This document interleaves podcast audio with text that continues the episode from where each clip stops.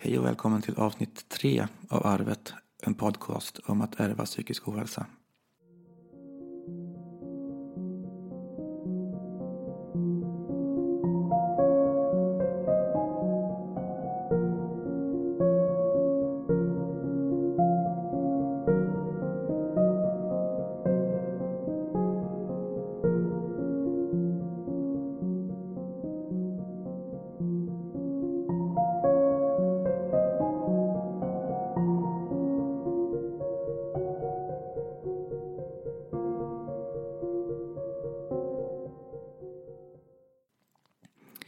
Ganska tidigt i veckan. Det är tisdag morgon. Rösten har knappt vaknat än. Men eh, hur har starten av veckan varit för dig? Hej på er! Den här veckan har ju som sagt nyss börjat känns det som. Men i helgen så köpte vi bil. Vi skulle ha bytt bil men vi gjorde inte det. Vi köpte en till. Eh, det känns väldigt bra för mig att ha en bra bil jag kan lita på när jag bor ensam i veckorna i skogen. Så att det här känns tryggt och bra. Eh, igår gick jag upp halv sju, satt och skrev. Hade väldigt mycket i huvudet som var tvungen att komma ut. Så jag skrev väl till framåt lunch. Då gick jag och la mig och kom inte upp mer den dagen. Så därför är det ju nästan som måndag för mig idag. Ja, men det är väl så gott som måndag. Pigg är man ju inte. Nej, men ibland är man lite piggare. Ja, knappt. Men du har ju små barn, det har ju inte jag. Jag har ju två träliga katter men jag kan sätta i öronpropparna. Det kan ju inte du göra om Astrid är lite kinkig. Hur har din vecka varit Dennis? Jo, då, den startade ganska bra. Äntligen har jag fått eh, utbetalt från Försäkringskassan. Sjukpenning. Åh, vad härligt. retroaktivt. Det har varit en klumpsumma. Plus att jag fick utbetalt ett lån jag lagt om. Så nu har jag betalat in allting. Har inga pengar alls kvar idag. Men Jag gör inget. nej, nu känner jag mig skuldfri och egentligen ifatt. Det har tagit lång tid. Så det är en bra utgångspunkt i alla fall när jag ska börja om. Jättebra. Så det känns bra. Men annars har det inte hänt så mycket än. Så vi får se vad veckan har att ge. Mm. Men eh, vad sa vi? Vi ska prata om pappor idag. Ja, jag tycker vi pratar om pappor. Då gör vi det.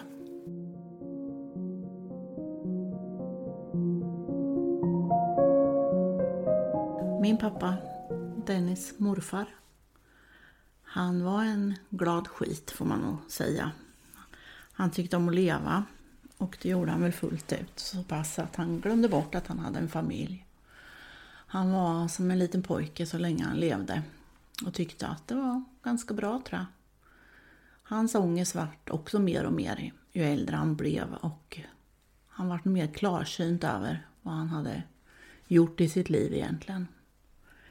Men när jag var liten så hade min pappa två familjer.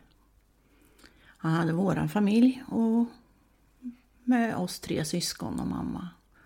Sen hade han en familj till med en kvinna och en son. Vad vi vet så hade han ju två, minst två barn till under tiden som mamma och han var gifta. Men vi har aldrig någon kontakt med dem. Jag kan inte heller förstå att han inte hade någon kontakt med dem som vi tror att han inte hade. Och jag förstår inte heller att mamma stod ut under alla år. Med alla dessa lögner och svek som det var hela tiden. Han eh, var ofta hos sin brorsa och hos sina kompisar.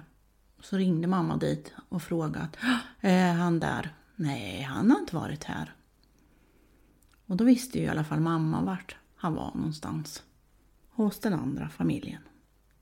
Vi pratar om det här mycket, min syster och jag. Hur det här har präglat oss. Och våran syn på pappor. Att man har haft en pappa som man inte haft något förhållande till. Och man har haft en pappa som man aldrig har kunnat lita på. Det finns ju gånger som han skulle komma och hämta oss men gjorde inte det. För han var hos någon annan kvinna. Någonting som inte jag står ut med idag det är när folk ljuger. Och när folk inte passar tider.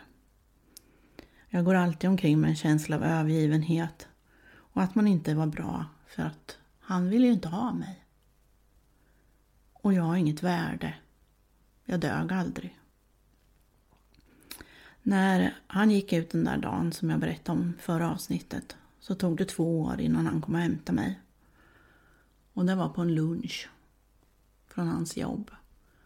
Och vi tog med oss våran tax som vi hade då, som han hade skaffat när jag var sju år. Som egentligen skulle ha bott hos den andra familjen. Men då sa faktiskt mamma ifrån. Så att eh, taxen bodde hos oss i alla år.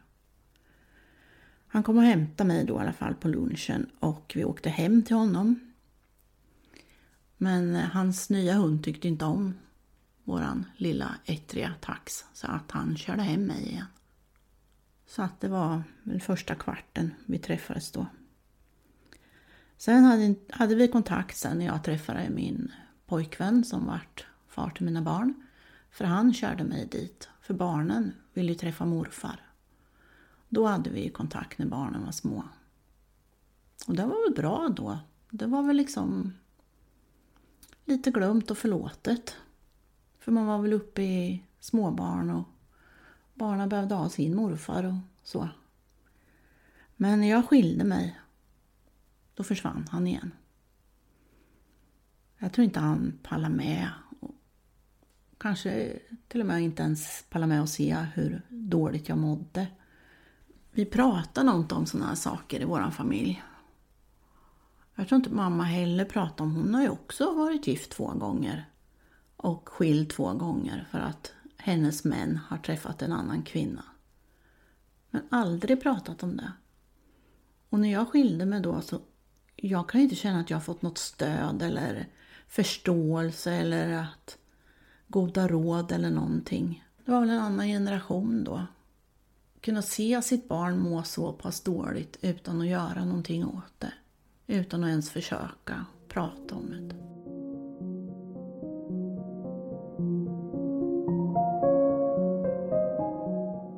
Ja, det är en väldigt speciell historia det där. Hemskt på många sätt. Mm. Men det är konstigt hur händelser och känslor kan gå i arv sådär. För det är egentligen det som hänt oss är väldigt annorlunda men jag tror jag känner likadant i alla fall. För, för sju år blev känslan likadan. För mig känns det verkligen som att en dag så är du bara borta. Och eh, vi visste inte, du hade sagt att du skulle åka och jobba men pappa sa att det var helg att du inte jobbade och inte gick i skolan. Så det vart ju också. Pappa gick sönder och vi gick sönder. Jag var borta fyra dagar. Du var borta. Det, och det är sånt där, det är det enda minne man har egentligen. Sen lite efteråt så klart att vi flyttade fram och tillbaka så att det, är det som sitter kvar. Den där första var min överlevnad. Ja, jo men det förstår man så här Det förstår man efteråt, ja. Mm. Men det är ändå samma liksom, historia med lögner och svek och försvinner. Ja. Det är konstigt hur det kan bli så. Att man gör samma sak. Och jag känner precis likadant idag att jag... Det, då känner jag mig övergiven. Det kan jag ju känna fortfarande inuti liksom. Mm, Och livrädd för att bli lämnad och sviken och bli ljugen för. Mm. Det har man med sig hela livet. Ja, det sitter i. Det Det har sitter, jag fortfarande. det sitter djupt. Och, och jag har väldigt svårt att, att lita på män. Och jag har svårt att förstå innebörden av att en pappa är så viktig.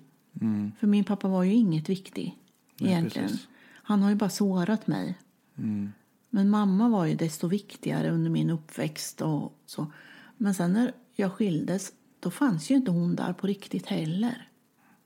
Nej, Och idag precis- kan jag känna att det är... ja, Jag vet inte vad, vilken, vilken ställning jag ska ta till det. Nej, det är svårt. För det är helt omvänt för mig liksom. Papparollen har varit det viktigaste som finns. Jag har ju haft två pappor kan man säga. Pappa och min storebror liksom. Och därför försöker jag vara den bästa pappan jag möjligen kan vara. Medan jag har svårt att förstå mammarollen kanske. Ja, Eftersom du bara fanns där ibland för mig. så är det När det nog. passade liksom.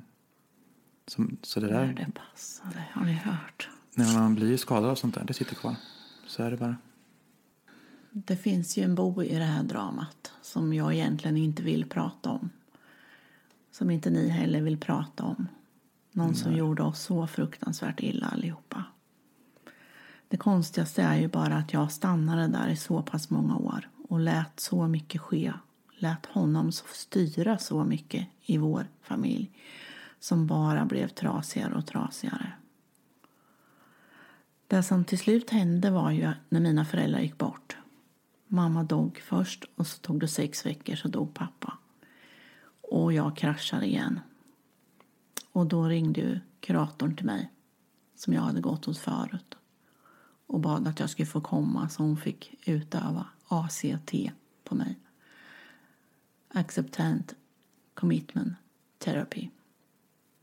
Jag gick hos henne hela vintern och eh, det tog nog inte så många gånger innan hon frågade mig Mia, vad ska du göra för att må bra? Och jag bara helt enkelt visste. Jag ska ju skilja mig. Jag kan ju inte vara gift med den där. Nej, det var fan på tiden. Ja, Det var 20 år. 20 år. Det är inte bortkastat, förstår jag. Det är 20 år av ditt liv, men det var mycket som hände under de 20 åren. Och vi tappade nästan all kontakt. Ja, Och familjen fanns ju inte kvar. och jag fick ju, jag smög ju på tå. Jag smög Ja. på tå jämt för att ni inte skulle störa. För, för att det var sånt jävla liv när ni störde. Jag. Men jag ville ju att ni skulle stö- störa. Jag ville ju att ni skulle vara där och vara störiga. Men eh, jag orkar helt enkelt inte. Nej, jag kan se det i efterhand så här, förstå det. Men det var ju förlorat både en lillebror och en mamma de åren. Vi eh, var totalt hjärntvättade. Det är sån jävla tur att vi kan, eller har fått tillbaka kontakten. jävla tur. Tack snälla Sanja, kurator på vårdcentralen Lyckorna. Du räddade mitt liv. Nej, jag behöver inte säga mer om honom. Din andra man. Men eh, det här med mormor och morfar tycker jag vi kan prata om. Avsluta lite roligt. För det vart ju en ganska fin historia till slut. Att de faktiskt återfann varandra efter, Ja. är det, 40 år. De var skilda i över 35 år. Ja. Hamnade grannar. När pappa vart enkling. Ja. Började umgås igen. Ja. De vart nog lite kära tror jag. Jag tror att de var kära hela tiden faktiskt. Kanske. Jag tror inte att de hade släppt varandra. Nej, det var så fint att se att de började umgås igen och inte hatade varandra. Pappa gick dit med mat och de åt middag Ja, ihop. lunch varenda dag nästan. Mm. Och jag är så jävla glad för att jag tog upp kontakten med de båda då. Det vart väl så naturligt på något vis. Att jag åkte dit med mat till dem ibland och Ja, jag vet och att du kokar soppa ibland och åkte ja, ner. umgicks med dem. En helt ovärderlig tid för mig. Det var jättekul att få se och få vara med. Och liksom få tillbaka mormor och morfar på något vis. De hade ju blivit något helt annat. Ja, de blev något helt annat när de blev så gamla så att de kunde släppa prestige och masken inför varandra tror jag. Mm. Ja, det var nog viktigt. Alltså, familjen läkte väl lite. Och sen har vi fortsatt att läka. Ja, där vi fortsatt att läka. Vi tackar väl för idag. Mm, tycker jag vi kan göra. Så på återseende. På återseende. Puss och kram. Puss och kram.